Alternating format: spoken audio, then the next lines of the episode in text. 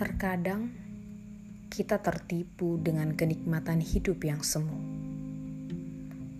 Seringkali kita membantai kehidupan nyata itu hingga kegagalan susul menyusul datang menimpa. Akibatnya, kita tertindas dalam hidup nyata yang harusnya diperjuangkan. Apa penyebabnya? Siapa yang melakukannya? Bagaimana bisa kita terperangkap dalam ketidakjelasan ini? Biarlah alam semesta yang merekam. Ya, biarlah alam semesta yang merekamnya. Mauku tak perlu kita usik lagi yang maya itu.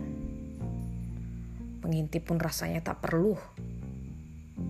Tak perlu ada jawab dari dia yang sudah lalu.